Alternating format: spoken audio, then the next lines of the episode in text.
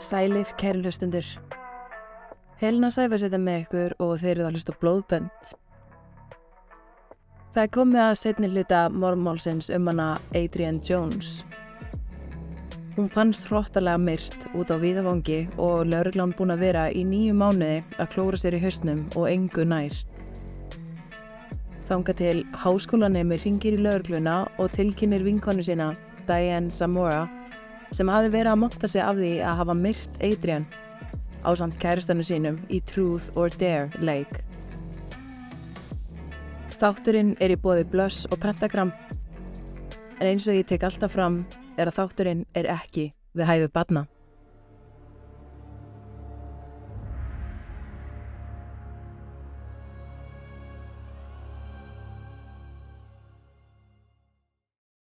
Diane Zamora var fætt í Texas þann 21. janúar árið 1978 og er þá vasperi í stjórnumerki. Hún átti þrjú yngri sískinni sem hún þurfti mjög ofta sjá um þegar hún var ung því mamminar syndi þremur vinnum og pappinar var líka mikið að heimann vegna vinnu til að ná að framfleita fjölskyldunni. Hjónin voru mjög trúið og fóru eftir alls konar trúareglum og ólu krakkana sína upp í svoleiðis umhverfi. Þau stóðu frekar illa fjáraslega og virtist hjónaband þeirra að vera erfitt. Dæin var þrátt fyrir erfiða og ábyrðafulla esku, ótrúlega gáfuð, skynsum og falli stelpa og rúlaði upp grunn og mentaskóla sem heiðurs nemi og var aldrei til vandræða, hvorki heima fyrir eða í skólanum. Þegar ramagsreikningurinn á heimilinu var ógreittur og ramagnin tekið af, syndi Diane heimavinnunni við kertaljós og leta ekkert stoppa sig. Hún vaknaði alla mótna vikunar klukkan 6 til að byrja að læra og frá bassaldri ætlaði hún að vera geimfari hjá NASA. Hún átti mjög auðvelt með að læra í bókum. Hún spilaði á flöytu og var í hlaupaliðinu í háskólanum sínum, líkt og David og Adrian, en hún gekk í králi í school. Hún átti þó ekkert mikið annað sameigilegt með Adrian, heldur helt hún sér meira tilbaka og var ekkert að spá mikið í make-upi eða tísku og fannst oft gott að vera bara útaf fyrir sig. Félagslega var hún ekkert að leytast eftir að vera sterkari en hún var þó alltaf talin indæl og vinalega stelpa. Diane og David voru aðeins 14 ára þegar þau sáu hvort annað í fyrsta sinn fyrir tilvilun á flugvelli í Texas. Þau heldu vinasambandi áfram og það var samt ekki fyrir en fjórum árum setna, árið 1995 í ágúst, sem þau ákvaðu að byrja að deyta. En voru bæði alveg först á því að ætla ekki að byrja neitt saman eða eitthvað alvarlegt er því á milliðra. Þau voru þó ekki lengi að kolfalla fyrir hvort öðru, því eftir aðeins tvo mánuði saman fór David á skelljarnar og baða hana að gifta sér. Hún var drauma konan hans. Diane sprakk úr gleði og játaði bónorðinu.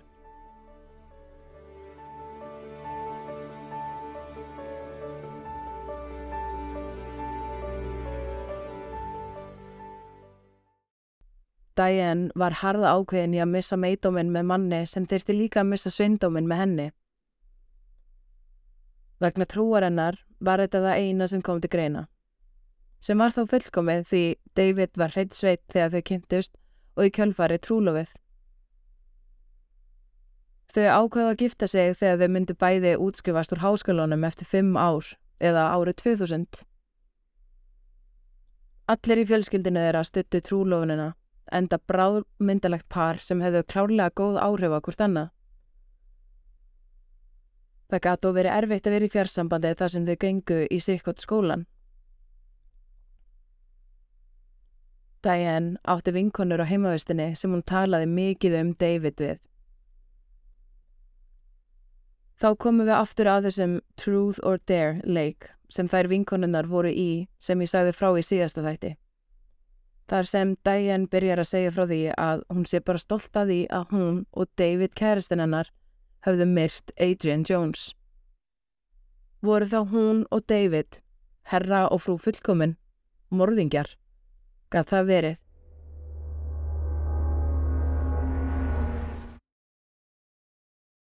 Eins og áður sagði gáttu vinkonur hennar ekki annað en tilkynnti laurglunar þar sem Diane hafi sagt og þá var loksins eitthvað að gerast í málunu sem hafi kolnað í nýju mánu. Laurglumenn drifu í því að hafa uppi á Diane á heimavistinni þar sem þeir benguðu upp á hjá henni. Þegar hún kom til dyra og henni tilkynnt um hvers vegna þeir voru komnir til að tala við hana og hún ætti að koma með þeim neyru stöð, stökk ekki svipur á andlita á henni. Hún bara starði í gegnum þá. Í yfirheyslum saðist hún hafa bara verið að grínastu vinkonu sínar og hafi skaldað þetta allt saman til að fá aðegli, en henni hafi þótt cool að segja þetta við þær. Hún saði að auðvita hefði hún og David ekkert myrst þessa stelpu Að því sögðu var henni sleft og laurglann fór tilbaka til Texas og hófst á rannsókn á að finna sönnunagögg sem byndist að parinu. Myndi einhver skáldi eitthvað svona? Myndi einhver segjast að það var myrst eitthvað til að monta sig ef ekkert væri til í því? Það var allavega ekkert annað komið á borð sem leiti laugluna í rétta átt, svo það var góð og gild ástæða til að gruna Diane og David um morðið. Tekin var ákvörðunum um að vísinni úr skólanum á meðan á rannsókninni stæði. Diane var ótrúlega sár og reið yfir þeirri ákvörðun og flög til Colorado Springs til David til að segja honum hvað hún hafi gert. Þegar hún byrjaði að segja honum frá þessu var hún vandraðileg og saði alls konar útgáður á því hvernig það ekslaðist að hún skulle hafa talað af sér. Hún greinilega skammaði sín mjög mikið.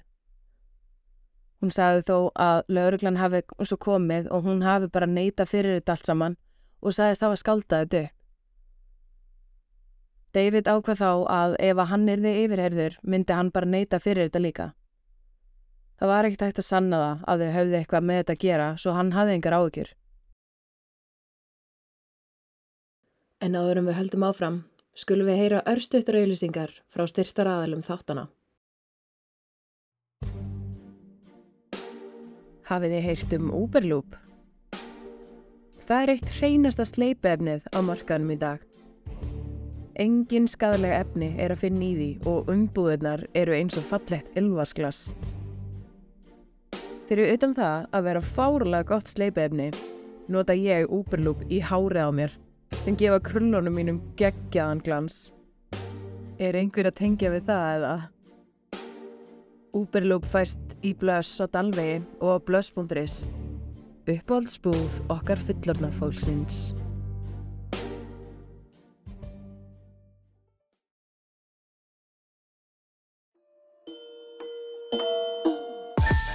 Pentagram býður upp á fjölbreytt úrval af persónulegum vörum til að frelsa dýrmættustu myndina þínar úr símanum.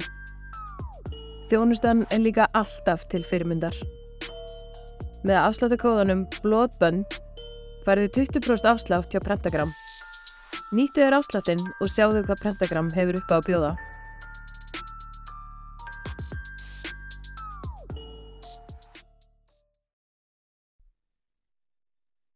Áður en hann vissi af kom lauruglan og vildi fá hann í yfirheyslu varandi máli.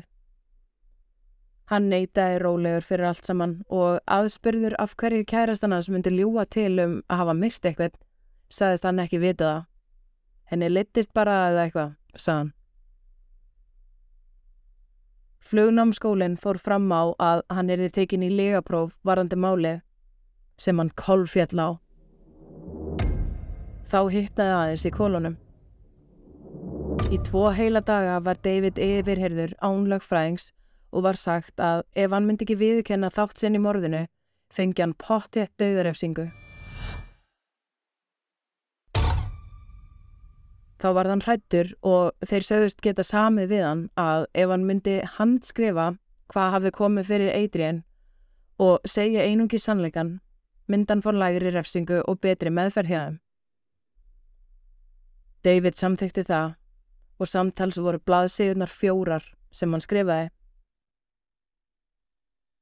Frásögn og hjáttning Davids hljómaði svona. Hann og Adrian voru á æfingu og hún hafði beðið hann um að skuttla sér heim þegar henni laug. Hann hafi samþygt það en þau hafi á leiðinni ákveðið að stoppa á bílastæði við grunnskóla þar sem þau stunduðu kynlíf í bílinum. Hann lýsir meir segja í smáadrefum hvernig kynlífið var, hversu ómerkilegt það hafi verið og sagðist hafa fengið samvinsku bytt um leiðuð í laug. Hann viðkendi svo fyrir daginn að hafa sofið hjá annari mannesku sem að var svo ofbúðslega mikilvægt fyrir daginn að hann myndi ekki gera. Hún ætlaði alltaf að vera hrein mei fram að giftingu en þar sem hún stóðst ekki fristinguna með David var hún nú þegar farin að sofa hjá honum áður en að þau gifti sig en nú var hann búin að óringa og eiðilega gildin hennar og gati ekki tekið það tilbaka.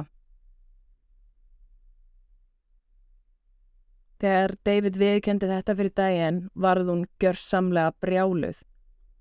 Hún öskraði og grétt og saði að hann væri aumingi og ligari. Að hann væri búin að eiðalega lífið hennar og allt sem hún hefur staðið svo fasta á allannar æfi. Hún gekk svo langt í þessu brjálæðskasti að hún byrjaði að berja höfðun á sér í gólfið og í veggin og meðan hún öskraði í sífellu. Dreftana, dreftana.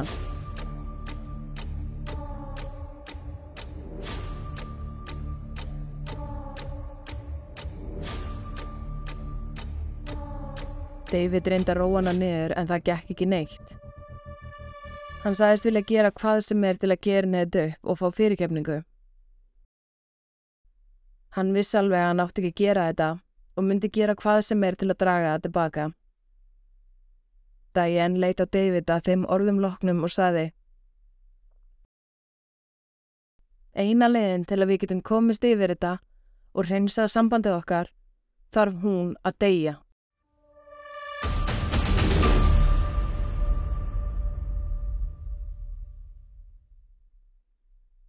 David vissi ekki þarna hvort hún var að segja þetta í reyði eða virkilega að meina þetta en hann var tilbúin til að gera hvað sem er og samtækti að gera það. Þau skipulegðu að Diane myndi fela sér í skottinu á bílnum og hann myndi ringja í Adrian og byggja hana að hitta sig. Hann myndi svo sækja hana og fara með hana eitthvað afskekt og myndi þá ráðast á hana og brjóta hana hálsin. Hann myndi síðan binda þingdanlóðir um líkið svo að það myndi pottet sökva í vatni og aldrei finnast. David viðkendi að hafa átt pínu erfitt þegar að þessu kom þar sem honum líkaði alls ekkert illa við Adrian og vildi ekkert meiðana en hann hafði lofað þessu og þráði að sjá Diane hafmyggjusama aftur. Allt fór samkvæmt planinu til að byrja með. Adrian stalst út um nóttina og sast inn í bíl hjá David og hjælt að þau væru bara tvö. Þegar David var búin að keira smá stund á afskrektan stað við vatn, lagðan bílnum og þá stökk Diane upp úr skottinu og ríðist á Adrian. Þau byrjuðu öll þrjú að slást en Adrian barðist meira á móti en þau heldu að hún gæti og David náði þess vegna ekkert að brjóta á henni halsin eins og hann var að reyna að gera. Diane hafði þá tekið þingdalóðina og barið Adrian í höfuðið af öllu afli. Adrian kemst ekkert neginn út úr bílnum og byrjar að hlaupi burtu, mjög venguð eftir höfuðhöggið og blóð frussaðist út úr höfðun á henni. David stekkur þá út úr bílnum og hleypur á eftir henni og Diane á eftir honum.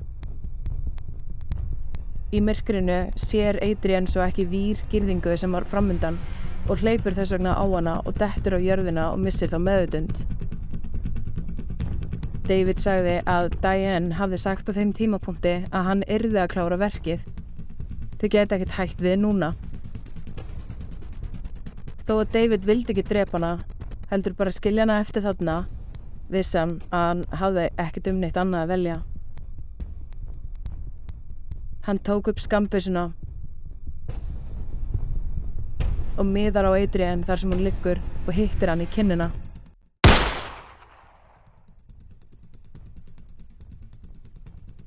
Hann lappar svo í áttina til hennar og stóð yfir henni þar sem hún lá og skaut hana aftur. Beint á milli augnana. Það fyrsta sem Diane segir við David eftir morðið var Við hefðum ekki átt að gera þetta, David. En þetta voru þau loka orð sem David skrifaði áður en hann skilaði brefinu til örglunar. Dægin eftir var Diane handtekinn heimi á ömmu sinni sem hún gisti hjá yfir nóttina. Hún reyndi ekkit að spyrja spurninga eða mótmæla, heldur gekk hún rólega með lauruglunni og inn í lauruglubílinn á þess að segja neitt. Diane var ákærð fyrir morðið á Adrian. Hún fekk tækifæri til að skrifa hjáttningu og sína hlið á málinu sem hún samþykti að gera. Frásagnir þeirra voru mjög svipaðar en Diane viðkendi að hafa mistjórna sér þegar hún vissi að framhjóhaldinu og sagðist hafa öskra á David dreftana, dreftana í síföllu. Hún segir einni frá því að planið hafi verið að brjóta á henni hálsin en það hafi ekki virkað. Svo hún hafi þurft að blanda sér inn í slagsmálinn og hafi þá tekið þingdanlóð og barið Adrian með henni.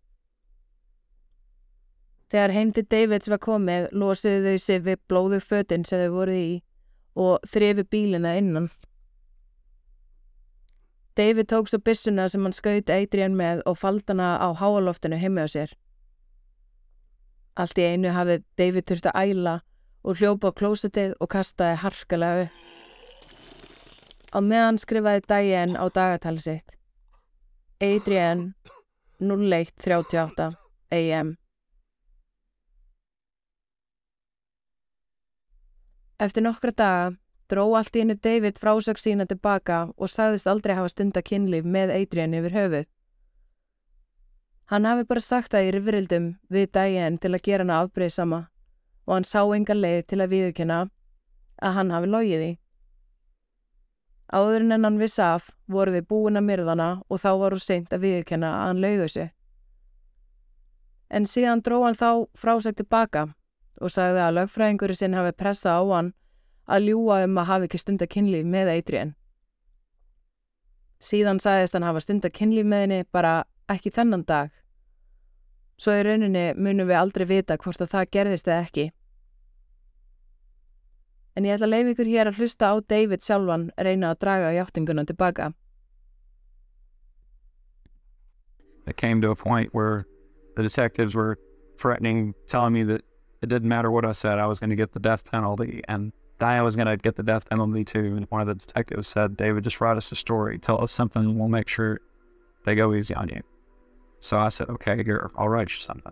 It was all so surreal. I hadn't really internalized it yet. And I guess after being awake for so many hours, you know, what I said to the police didn't, I guess I didn't see how any of that could affect my life.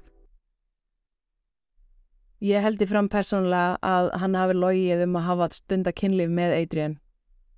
Til þess eins að reyta Diane til reyði og særana.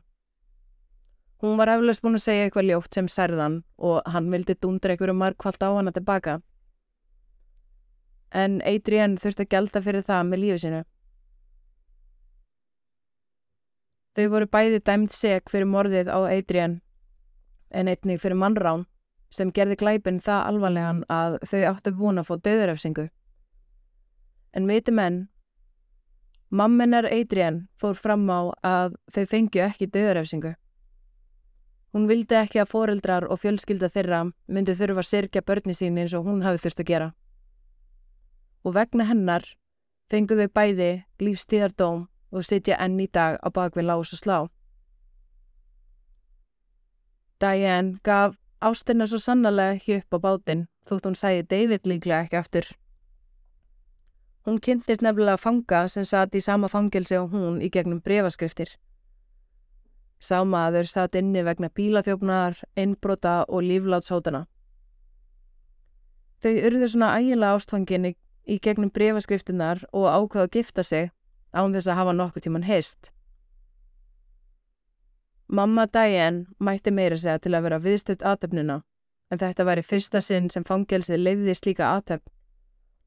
Þau skildu svo árið 2008 á þess að hafa nokkuð tíman séð hvort annað. Ég ætla að leiði ykkur að hlusta á Diane koma fram í viðtali við Crime Watch Daily í fyrsta sinn frá því að morðið átti sér stað þar sem hún segir sína hlið á sögunni eftir að hafa setið í fangelsi í tvo áratögi. En þar segir hún alltaf aðra sögu en fyrir 20 árum síðan. Convicted killer Diane Zamora, who has spent the majority of her life behind bars, is speaking out. When the jury or the judge came back and said, You're sentenced to life in prison, what was that moment like for you? I don't even really remember it. Um, It's a blur. it really is. Um, I think after they said guilty, that was probably the last thing I heard. Diane claims she's not a cold blooded killer. In fact, she now says she played no real physical role in Adrian's death. Did you pull the trigger? No, Did you harm Adrian in any way? the only thing I did was pull her hair. I remember at one time they were they were fighting. But what about her confessions to four different people and her handwritten confession to cops? I had no physical part in this, even though they tried to prove I did at first. And even though I said I did in that stupid confession, um, I had no physical part in it. And they proved that in court.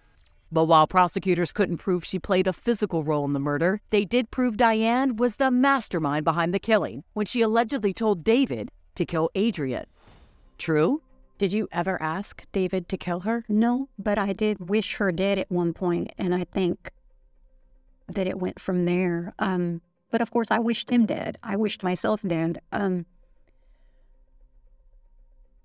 but I didn't. I didn't believe anything like that would or could happen. And then when it did, um, I was in denial. And what does she have to say about the love triangle that led to this deadly confrontation? Diane says there wasn't one. That's right, she claims the motive for the killing wasn't sex, it was violence. I think he did this because he was obsessed with guns. Um, I think he wanted to know what it was like to use them on someone. So if someone were to say, You were the foundation behind this, No, I think I was a good excuse. I really think now that's what I was. I was a good excuse to do something he already wanted to do. These are stunning accusations from Diane and a very different take from this convicted killer's initial confessions to police and court testimony. But how do we know if she's telling the truth now or if she's simply a master manipulator? I can't even tell you what was going through my mind except that I was just so young and stupid. I was like, yeah, I want to meet this girl. You don't you don't think things through. You don't think, "Oh, it's really late at night. That's when bad things happen." I feel like that option should always be open for the jury. They should be mm-hmm. able to decide what your sentence is because I had no physical part in this. but you were hiding in the back of a car that night, your parents' Mazda, correct? True. What was your role in all of this? Were you there? Did you participate? You were there. I didn't hit her in the head with a weight. Did you see that happen? She didn't get hit in the head with a weight. Um, she got hit in the head with the butt of David's gun. Did she cry for help? I didn't hear her. Um, I'm sure she did, but I didn't hear her. And then there's this revealing exchange. Did you ever ask David to kill her? No, but I did wish her dead at one point, and I think that it went from there. No one will ever really know what happened that night except for the three teenagers who took a ride on a dark Texas road to have their lives forever veered off course. When are you eligible to get out of prison? Uh, as of right now, it would be 40 flat years, so it wouldn't even be for 20 more years. So if you still have another 20. And that is it's not a guarantee. They could leave me in forever.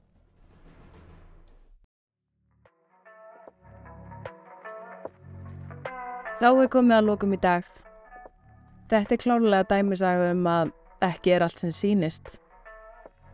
Ótrúlega mikil synd og sorglegur endir. En takk kærlega fyrir að hlusta og fari vel með ykkur. Þannig til næst, góða stundir.